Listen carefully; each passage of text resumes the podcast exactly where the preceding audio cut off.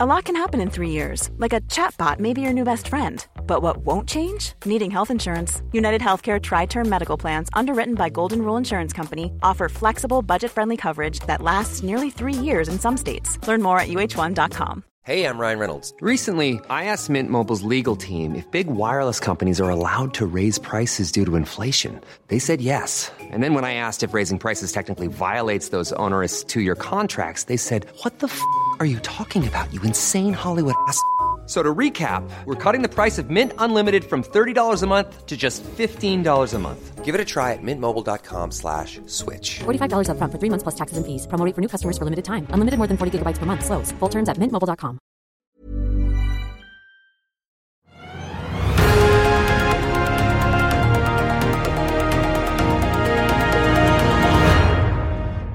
En av de dominerende diskusjonene på Nordkjøping i år er hva skip skal driftes på i fremtiden, altså da drivstoffmessig.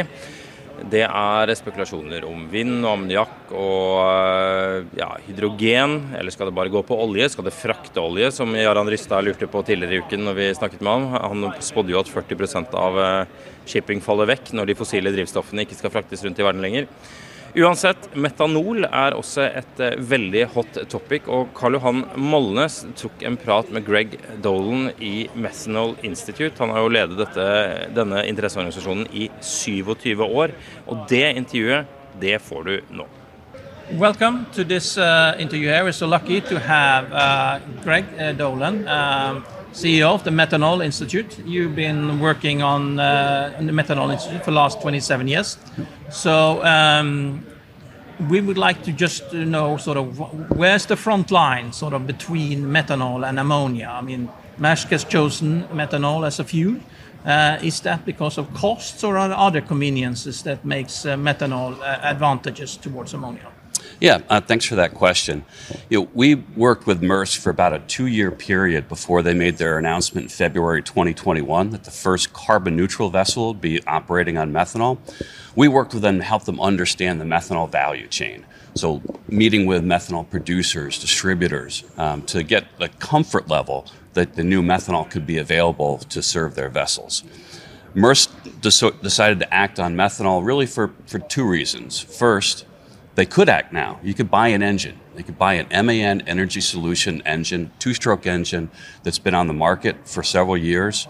It's been proven uh, on 24 methanol chemical carriers, chem- chemical tankers that have been operating for a number of years, 140,000 hours of operation. The technology is mature and approved. The second reason that Maersk went with methanol is because their 200 largest customers are asking them for carbon neutral shipping. They want to reduce their scope 3 emissions with carbon neutral transport of their goods, whether it's uh, IKEA or Adidas. And with methanol, you can have both a low carbon and a net carbon neutral fuel that can allow them to offer certificates, green certificates to their customer, showing that they've had carbon neutral transport of their goods. So it's, uh, but we're not there yet, right? I mean, it's not carbon neutral yet. So it's carbon neutral ready, like uh, a lot of other things that are sort of hydrogen ready. Or so, what stage is Maersk at? Uh? So the other thing Maersk has done, in addition to ordering now 19 vessels, um, container ships, they've also signed letters of intent with 10 different producers of biomethanol, produced from biogas or biomass gasification, and e-methanol which is produced from green hydrogen and biogenic CO2. So they've now signed agreements to provide enough methanol supply, renewable green methanol, to fuel those 19 vessels that are coming on the water.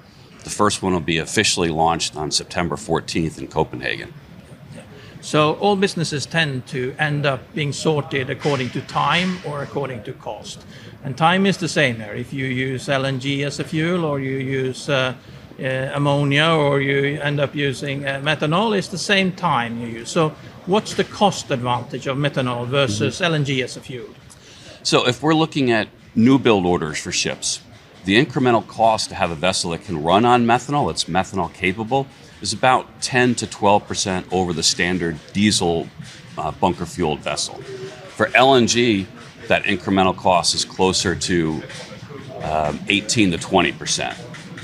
So uh, there's already a, uh, a vessel that's uh, going with methanol, uh, and uh, could you tell us about that? Yeah, there are actually 26 methanol fueled vessels on the water right now. The first one was the Stena Germanica. It's one of the world's largest RoPax ferries that operates between Gothenburg and Kiel. Has been running on methanol uh, fuel for well since 2015. Um, it uses four-stroke Wärtsilä engines that were retrofitted to run on methanol. That vessel has had 300 stems delivered. Um, it uses a truck to ship bunkering, and just recently this year started ship-to-ship bunkering of the Stena Germanica. The other vessels are largely chemical tankers um, that are operated by uh, Methanex Waterfront Shipping and their partners, along with Proman Stena Bulk. These are 50,000 deadweight chemical tankers that are also running on methanol. And we've got a pilot boat in Sweden that's running on methanol. So we, we do have proven experience using methanol as a marine fuel. Yeah, and uh, the Methanol Institute is an organization that represents all methanol producers globally. So, uh, what are the uh, are there any obstacles towards producing methanol and have it um, in any harbor in the world, or any any difficulties, particularly in any region, or is the same cost all over the world? Well, it, it depends on um, the, the feedstocks that you're using for methanol production. Today, most methanol is, is produced from the steam reformation of natural gas. Mature technologies, plants that produce, you know, a billion gallons a year. Um, that methanol cost is very competitive today with MGO and very low sulfur fuel oil on an energy equivalent basis. It takes more than twice as much methanol to give you the same energy as, a, as diesel fuel. So even though we need twice as much methanol because from natural gas is so affordable on an energy equivalent basis, it's competitive with today's bunker fuels. Now, if we look at biomethanol produced from biogas say dairy manure gas, wastewater treatment gas, or the gasification of municipal solid waste or forestry residue, that product is probably twice as much to produce, the cost to produce, than the fossil natural gas based methanol. And then if we look at e methanol produced from green hydrogen and CO2, CO2 can come from industrial flue gas, biogenic sources, direct air capture. That product may be three times the cost of the conventional methanol.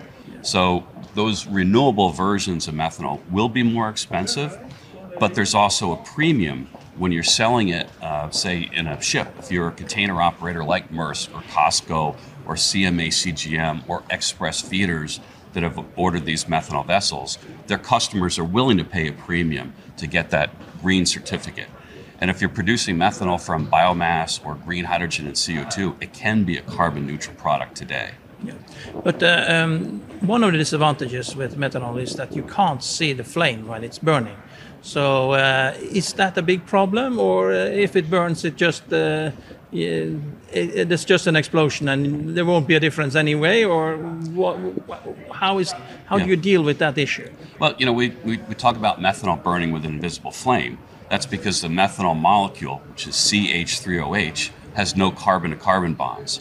And it's when you're burning a fuel that has carbon to carbon bonds that you produce soot or particulate matter. So when you say it burns with invisible flame, that means there's no soot, there's no particulate matter. And that's a good thing. Uh, you really want to reduce smog or soot coming out of an engine. Uh, in terms of its safe handling, the IMO under the IGF code as a low flashpoint fuel adopted interim guidelines for the safe use of methanol on board ships in November of 2020. So that's that's a big distinguishing factor for methanol because we already have those safety guidelines in place. All the class societies are classing vessels to that I, uh, IMO IGF code interim guidelines. For ammonia, they still haven't really started the process of developing those guidelines. So we've got a, a several year head start on ammonia right now. Okay.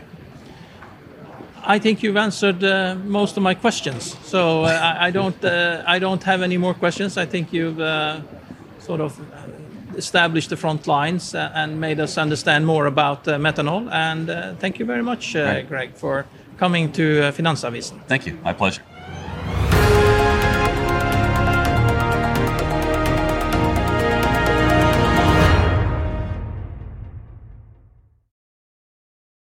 Økonominyhetene er en podkast fra Finansavisen. Programledere er Marius Lorentzen, Stein Ove Haugen og Benedikte Storm Bamvik. Produsenter er Lars Brenden Skram og Bashar Johar. Og ansvarlig redaktør er Trygve Hegnar.